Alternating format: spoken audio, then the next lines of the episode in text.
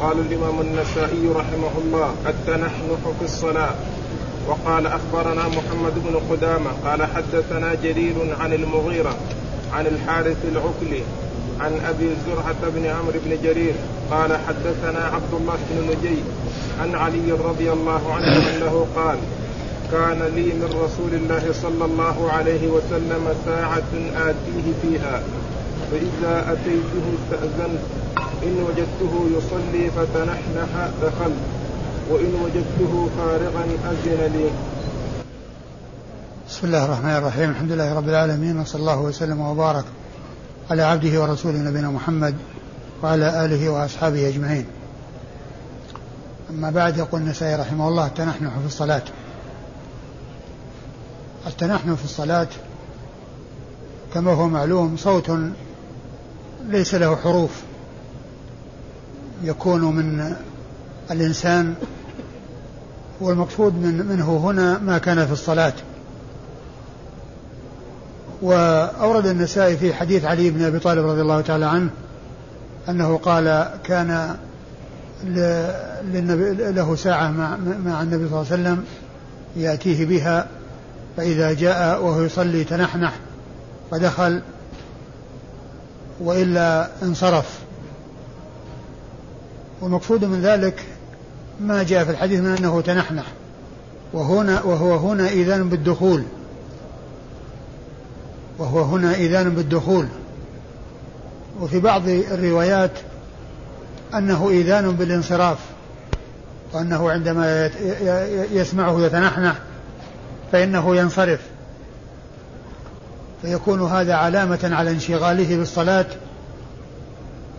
وأنه مشتغل في الصلاة فينصرف أو أنه إشعار بأنه يصلي فيدخل ويكون ما جاء من الروايات بالإذن والانصراف محمولا على بعض الأحوال محمولا على بعض بعض الأحوال يعني أحوال يكون هناك دخول وفي بعضها يكون هناك انصراف. وتكون هذه علامة بينه وبين النبي صلى الله عليه وسلم. لكن الحديث آه، فيه ضعف وذلك أن عبد الله بن نجي في هذه الرواية يروي عن علي وهو لم يسمع علي رضي الله تعالى عنه. وفي إحدى الروايات الآتية أنه يروي عن أبيه عن علي يعني فيكون روايته عنه بواسطة. وأبوه مقبول كما قال عنه الحافظ في التقريب أي فيكون يحتج به عند الاعتضاد فيكون الاحتجاج به عند الاعتضاد. وعلى هذا فيكون الحديث ضعيفا سواء كانت رواية عبد الله بن نجيع عن علي لأنها منقطعة أو رواية نجي الذي هو أبوه عن علي وهي متصلة لكنه لا يحتج بما ينفرد به بل لا بد من اعتضاده بغيره حتى يرتقي حديثه من أن يكون آه، يرتقي حديثه إلى أن يكون حسنا لغيره. وأما إسناد الحديث فيقول النسائي أخبرنا محمد بن قدامة. محمد بن قدامة. محمد بن قدامة المصيصي وهو ثقة أخرج حديثه أبو داود والنسائي. قال حدثنا جرير. قال حدثنا جرير هو بن عبد الحميد الضبي. جرير بن عبد الحميد الضبي وهو ثقة أخرج حديثه أصحاب الكتب الستة. عن المغيرة. عن المغيرة بن مقسم هو بن مقسم الضبي وهو ثقة أخرج حديثه أصحاب الكتب الستة أيضا. عن الحارث العكلي. عن الحارث بن يزيد العكلي. الحارث ابن يزيد العكلي وهو ثقة خرج حديثه مسلم خرج حديثه البخاري ومسلم و والنسائي وابن ماجه.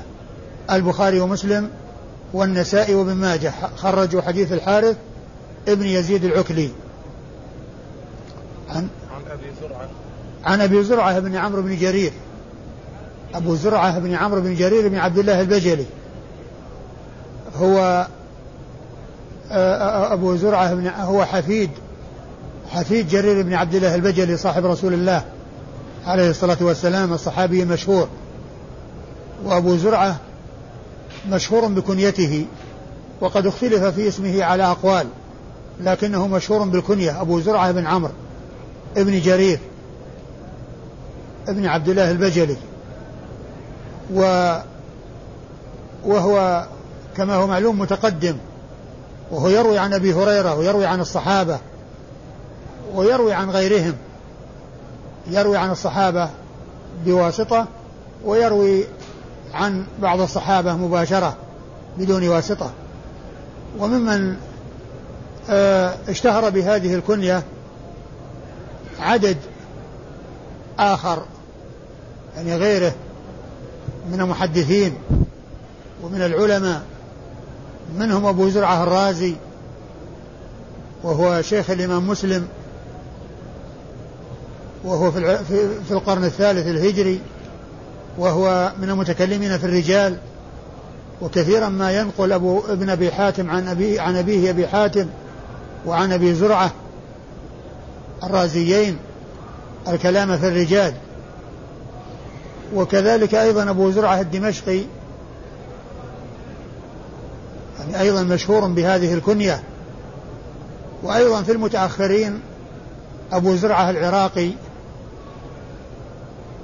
ابن صاحب الألفية عبد الرحيم بن الحسين الأثري ابنه ولي الدين أبو زرعة المتوفى سنة ست وعشرين وثمانمائة أيضا مشهور بهذه الكنية التي هي بأبي زرعة. وأبو زرعة بن عمرو بن جرير هذا الذي معنا ثقة أخرج حديثه أصحاب الكتب الستة. ثقة أخرج حديثه أصحاب الكتب الستة. حدثنا عبد الله بن نجي. قال حدثنا عبد الله بن نجي الحضرمي الكوفي وهو وهو صدوق أخرج له أبو داود والترمذي والنسائي.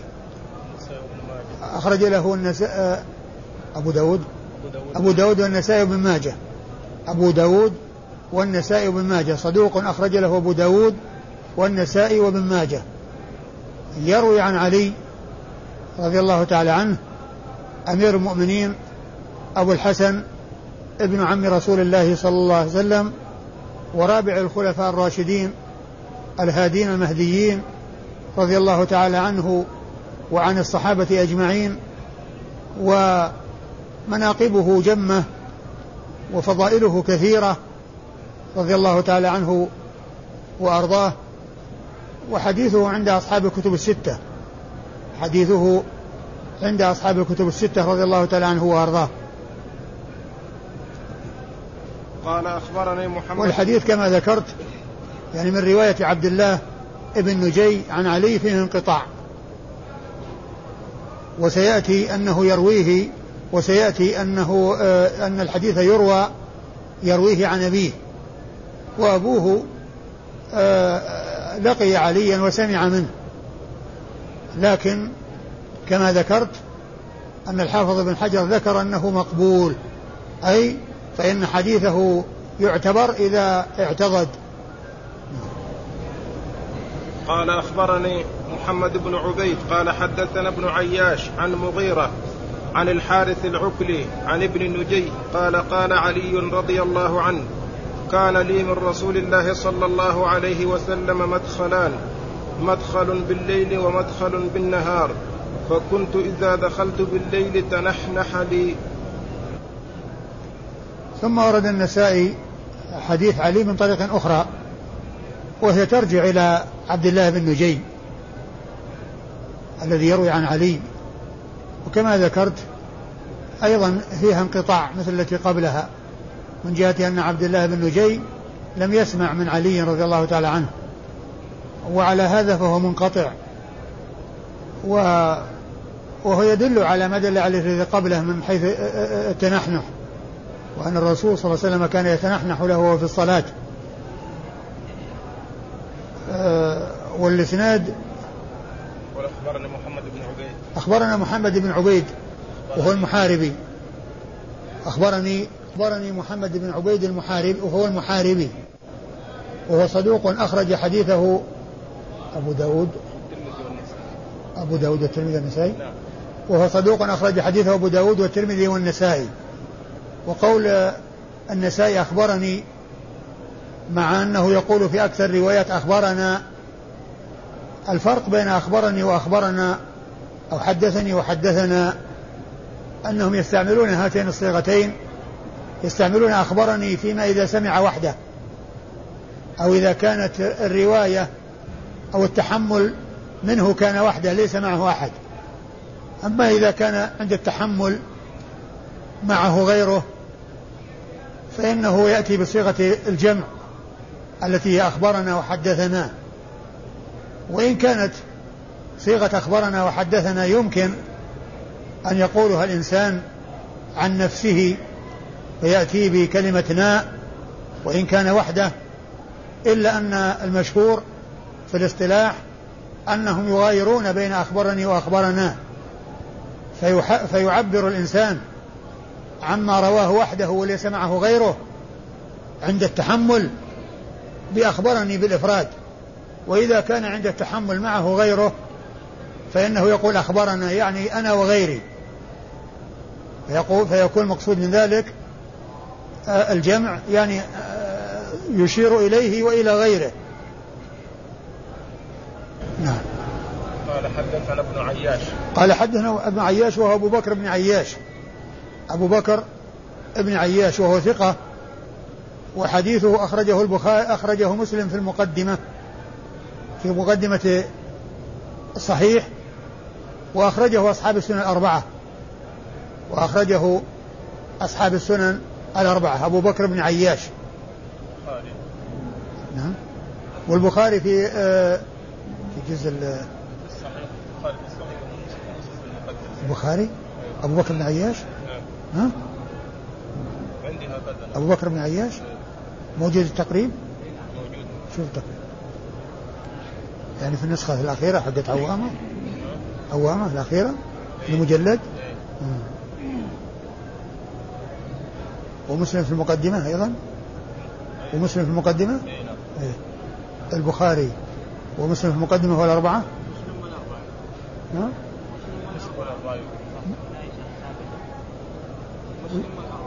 مسلم يعني. ميم قاف ولا ميم ها؟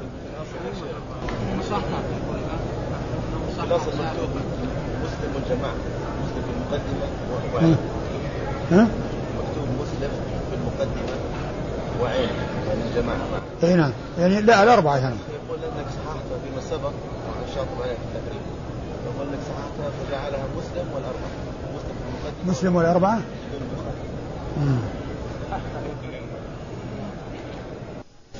لعلي لعلي نسيت إذا كنت إذا كنت صححتها فأنا نسيت الآن. أنا لا أدري لكن نتحقق مرة أخرى. نتحقق مرة أخرى. أنا نسيت إذا كنت سبق أن صححتها. مغيرة عن الحارث. عن مغيرة؟ عن؟ وهذا ثقة لكن إلا أنه ساء عندما أيوه. كبر ساء اللي هو مغيرة؟ لا ابن عياش هذا ابن عياش نعم وإيش بعده؟ المغيرة من؟ عن المغيرة عن الحارث العكلي عن نجي إلى آخر الإسناد. أي نعم يعني وهؤلاء تقدموا في الإسناد الذي قبل هذا. نعم. قال أخبرنا القاسم بن زكريا بن دينار قال حدثنا أبو أسامة قال حدثني شرحبيل يعني ابن مدرك قال حدثني عبد الله بن نجي عن أبيه قال قال لي علي رضي الله عنه كانت لي منزلة من رسول الله ما لم تكن لأحد من الخلائق فكنت آتيه كل سحر فأقول السلام عليك يا نبي الله فإن تنحنح انصرفت إلى أهلي وإلا دخلت عليه وهذه الرواية مثل الرواية التي قبلها إلا أن فيها أن التنحنح للانصراف والرواية السابقة أن التنحنح للدخول. يعني هناك التنحنح للدخول وهنا التنحنح للانصراف. وكما قلت يعني آه، آه، يحمل على أن هذا في بعض الأحوال يعني كونه إذن أو غير إذن أن هذا باعتبار يعني بعض الأحوال. وهذه الرواية أيضا آه، فيها كلام من حيث أن أن نجي والد عبد الله آه، قال عنه الحافظ في التقريب إنه مقبول. أي أنه يعتمد عند الاعتضاد يعني عندما يوجد ما يعضده آه، يعتمد. ولا وإذا لم يوجد ما يعضده فإنه لا يعول على ما يأتي عنه. ولهذا ضعف الشيخ الألباني كل هذه الطرق الثلاث وقال إنها ضعيفة الإسناد. يعني هذه الطرق الثلاث الموجودة في هذا الباب كلها طريقة الإسناد الطريقة الأولى والطريقة الثانية كما هو معلوم فيها انقطاع. والطريقة الثالثة فيها الرواية عن آه، نجي وأنه يروي عن أبيه وأبوه مقبول يحتاج إلى اعتضاد. قال أخبرنا القاسم بن زكريا. القاسم بن زكريا بن عدي. قال عنه. ابن دينار. زكريا قاسم القاسم بن زكريا بن دينار. نعم. قال عنه. ثقة أخرج له مسلم والترمذي والنسائي وابن ماجه. وهو ثقة أخرجه مسلم والترمذي والنسائي وابن ماجه. ما خرج له البخاري ولا أبو داود. ما خرج له البخاري ولا أبو داود. قال حدثنا أبو أسامة. قال حدثنا أبو أسامة وهو حماد بن أسامة.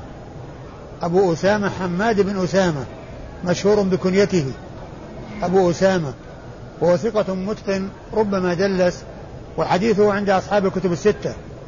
وهو من ممن وافقت كنيته اسم أبيه. وهو ممن وافقت كنيته اسم أبيه.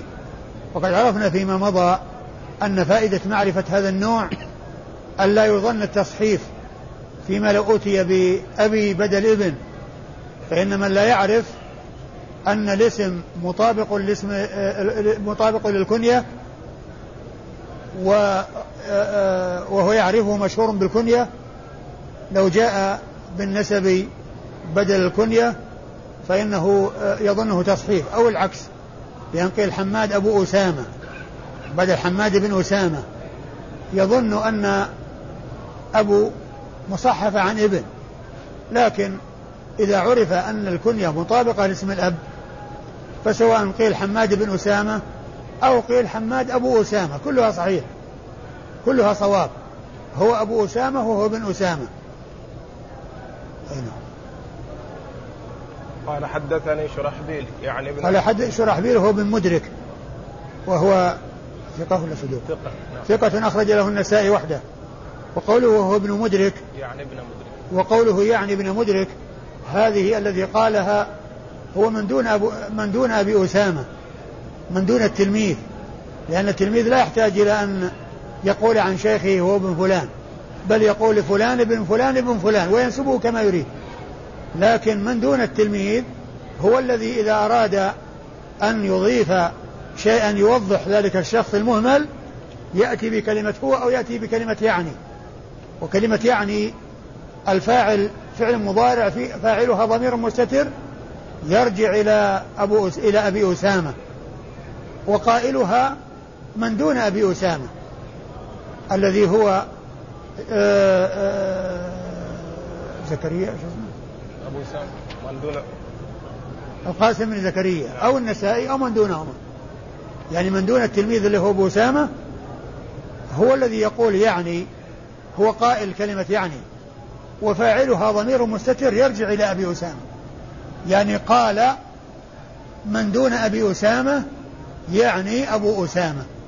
يعني أبو أسامة بقوله آه شرحبيل يعني ابن مدرك يعني ابن مدرك وهو ثقة أخرج حديثه النسائي وحده. حدثني عبد الله بن نجي. حدثنا عبد الله بن نجي عن أبيه وقد مر ذكرهما وكل منهما روى عنه أبو داود والترمذي والنسائي وابن ماجه. أبو داود والنسائي وابن ماجه. كل من الاثنين الذي هو عبد الله بن نجي وأبوه نجي الحضرمي الكوفي كل منهما خرج له أبو داود والنسائي وابن ماجه. وعبد الله بن نجي صدوق وأبوه مقبول. قال باب البكاء في الصلاة.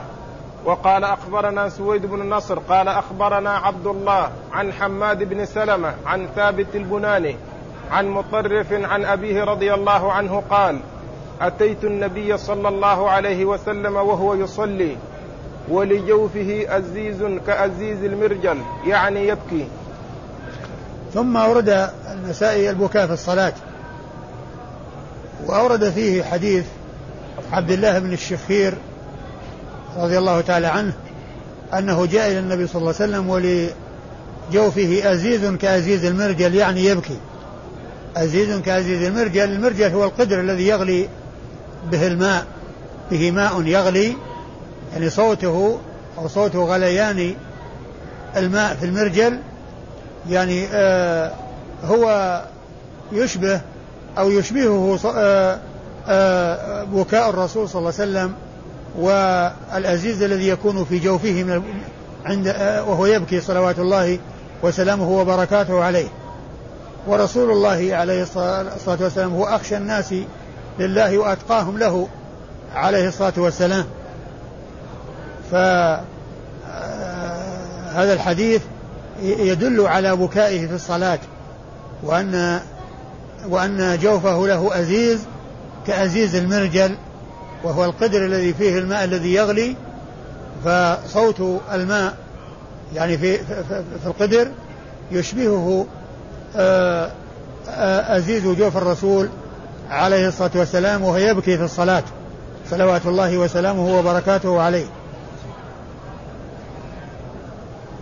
أيوة. قال أخبرنا سويد بن النصر يقول النسائي أخبرنا سويد بن نصر. سويد هو بن نصر المروزي وهو ثقة أخرج حديثه الترمذي والنسائي وهو راوية عبد الله بن المبارك يروي عن عبد الله بن المبارك المروزي وهو ثقة ثبت جواد عابد مجاهد قال عنه الحافظ في التقريب بعد أن ذكر جملة من صفاته جمعت فيه خصال الخير. جمعت فيه خصال الخير وحديثه أخرجه أصحاب الكتب الستة. عن حماد بن سلمة ابن دينار البصري وهو ثقة أخرج حديثه البخاري تعليقا ومسلم وأصحاب السنن الأربعة. وهو أثبت الناس في ثابت البناني وهو هنا يروي عن ثابت البناني. وفي النسخة الموجودة بين أيدينا عن حماد بن سلمة عن سلمة. يعني ف وفي بعض النسخ عن ليس فيه ذكر سلمة. ف ومن المعلوم أن حماد بن سلمة يروي عن ثابت بل هو أثبت الناس في ثابت.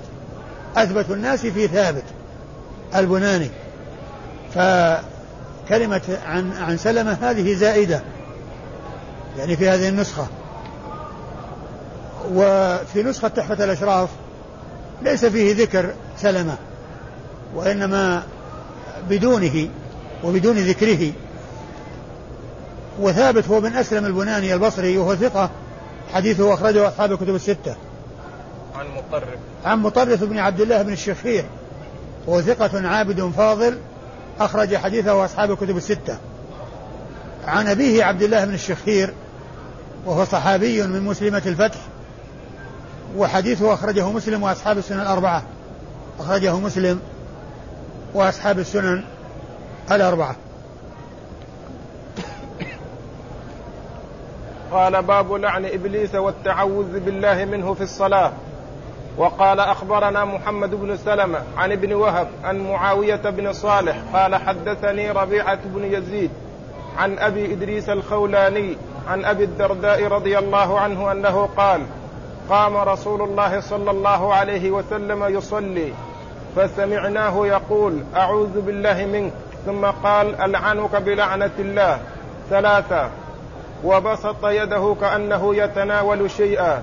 فلما فرغ من الصلاة قلنا يا رسول الله قد سمعناك تقول في الصلاة شيئا لم نسمعك تقوله قبل ذلك. ورأيناك بسطت يدك. قال إن عدو الله إبليس جاء بشهاب من نار ليجعله في وجهي فقلت أعوذ بالله منك ثلاث مرات. ثم قلت ألعنك بلعنة الله. فلم يستأخر ثلاث مرات. ثم أردت أن آخذه. والله لو لولا دعوة أخينا سليمان لأصبح موثقا بها يلعب به ولدان أهل المدينة. ثم ورد النسائي هذه الترجمة وهي باب التعوذ باب لعن إبليس. باب لعن إبليس والتعوذ منه في الصلاة. باب لعن إبليس والتعوذ منه في الصلاة. والتعوذ بالله منه. والتعوذ بالله منه في الصلاة. أورد النسائي فيه حديث أبي الدرداء رضي الله تعالى عنه وهو أن أنه صلى مع النبي عليه الصلاة والسلام فسمعوه يقول أعوذ بالله منك. ثم قال ألعنك بلعنة الله. ورأوه مد يده كأنه يريد أن يمسك بشيء ولما فرغ من الصلاة سألوه وقال فأجابهم عليه الصلاة والسلام بأن إبليس عرض له في الصلاة ومعه شهاب من نار يريد أن يجعله في وجهه فتعوذ بالله منه ثم لعنه وقال ألعنك بلعنة الله؟ فقال فأردت أن أمسكه ثم إنه تذكر دعوة سليمان بأن يؤتيه الله, يؤتيه الله ملكا لا ينبغي لأحد من بعده فتركه ولم يمسكه. قال ولو لولا لولا دعوة أخينا سليمان لأصبح يلعب به صبيان أهل المدينة. يعني أنه قد أمسكه أنه قد أمسكه ولكنه ترك لكنه لم يفعل بهذه الدعوة التي دعا بها سليمان وهو أن يؤتيه الله ملكا لا ينبغي لأحد من بعده. والحديث يدل على التعوذ بالله من الشيطان وعلى لعن إبليس في الصلاة. والرسول صلى الله عليه وسلم تعوذ بالله منه ولعنه في الصلاة. لكن هذه الهيئة وهذه الصورة التي حصلت للرسول عليه الصلاة والسلام والتي أطلع الله تعالى فيها نبيه عليه فكان يشاهده ويعاينه. والصحابة رضي الله عنهم ما كانوا يرونه ولكنه يرون ولكنهم يرون اليد الكريمة الممدودة ولا يعرفون ولا يرون الشيء الذي مدت إليه. والله تعالى أطلع نبيه ولم يطلعهم. كما أطلعه على الجنة والنار عندما عرضت عليه ويصلي بالناس صلاة الكسوف. ومد يده كأنه يريد أن يتناول شيئا وهو قدر العناقيد المتدلية. فمد يده ليأخذ عنقودا من العنب ثم ترك وقال لو أخذت منه ما لأكلتم ما بقيت الدنيا. فالله تعالى أطلع نبيه على النار وعلى الجنة والصحابة رضي الله عنهم من ورائه ما رأوهما وكذلك أطلع الله نبيه على إبليس عندما جاء إليه ومعه شهاب.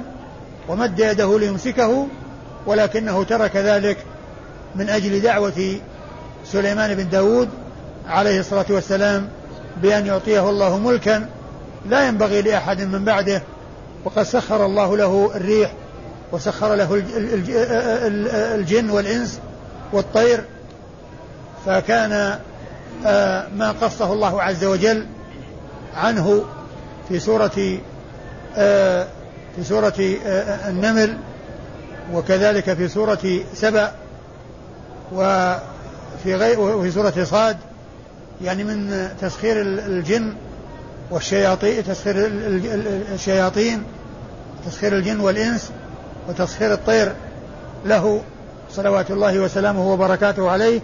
وهذا هو الملك الذي أعطاه الله إياه وليس لأحد من بعده حتى هذا العصر الذي هو العصر الذي تقدمت فيه الصناعة لا يمكن أن يصلوا إلى ما وصل أو إلى ما حصل لسليمان بن داود عليه الصلاة والسلام من تلك المعجزات وتلك الخصائص التي خصه الله تعالى بها حيث أن العرش الذي هو عرش بلقيس أتي, أتي, أتي به بلحظة من اليمن إلى الشام بلحظة والعفريت الذي آه، عرض عليه أن يأتي به قبل أن يقوم من مقامه و ثم بعد ذلك الذي عنده علم من الكتاب قال آتيك به قبل أن يرتد إليك طرفك.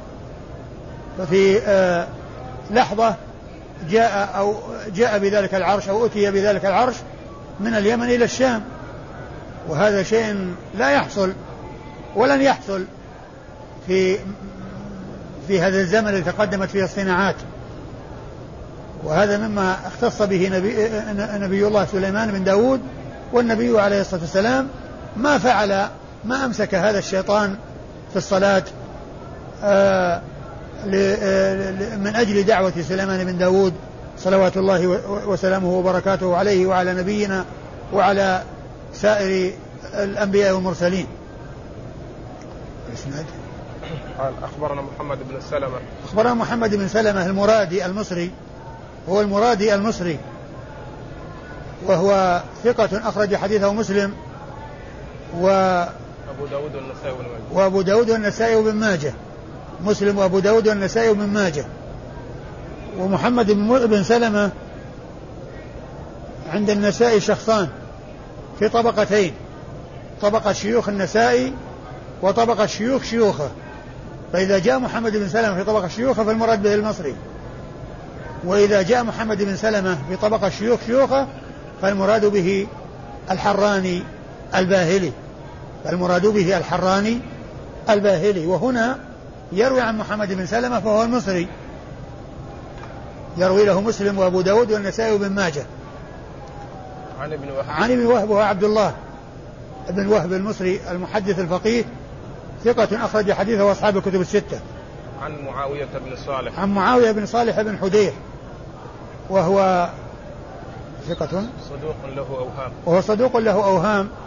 أخرج حديثه؟ البخاري في جزء القراءة ومسلم الأربعة. البخاري في جزء القراءة ومسلم وأصحاب السنة الأربعة. أخرج حديثه مسلم. البخاري في جزء القراءة ومسلم وأصحاب السنن الأربعة. قال حدثني ربيعة بن يزيد. قال حدثني ربيعة بن يزيد الدمشقي وهو ثقة. أخرج حديثه أصحاب الكتب الستة. نعم. أخرج حديثه وأصحاب الكتب الستة. عن أبي إدريس الخولاني. عن أبي إدريس الخولاني واسمه عائذ الله وهو من كبار التابعين الذين رووا عن كبار الصحابة. وحديث وهو قيل إنه عالم الشام بعد أبي الدرداء. وحديثه أخرجه أصحاب الكتب الستة. يروي عن ابي ابي عن أبي الدرداء وهو عويمر بن زيد الأنصاري صاحب رسول الله صلى الله عليه وسلم. وحديثه أخرجه أصحاب الكتب الستة. والله تعالى أعلم وصلى الله وسلم وبارك على عبده ورسوله نبينا محمد وعلى آله وأصحابه أجمعين.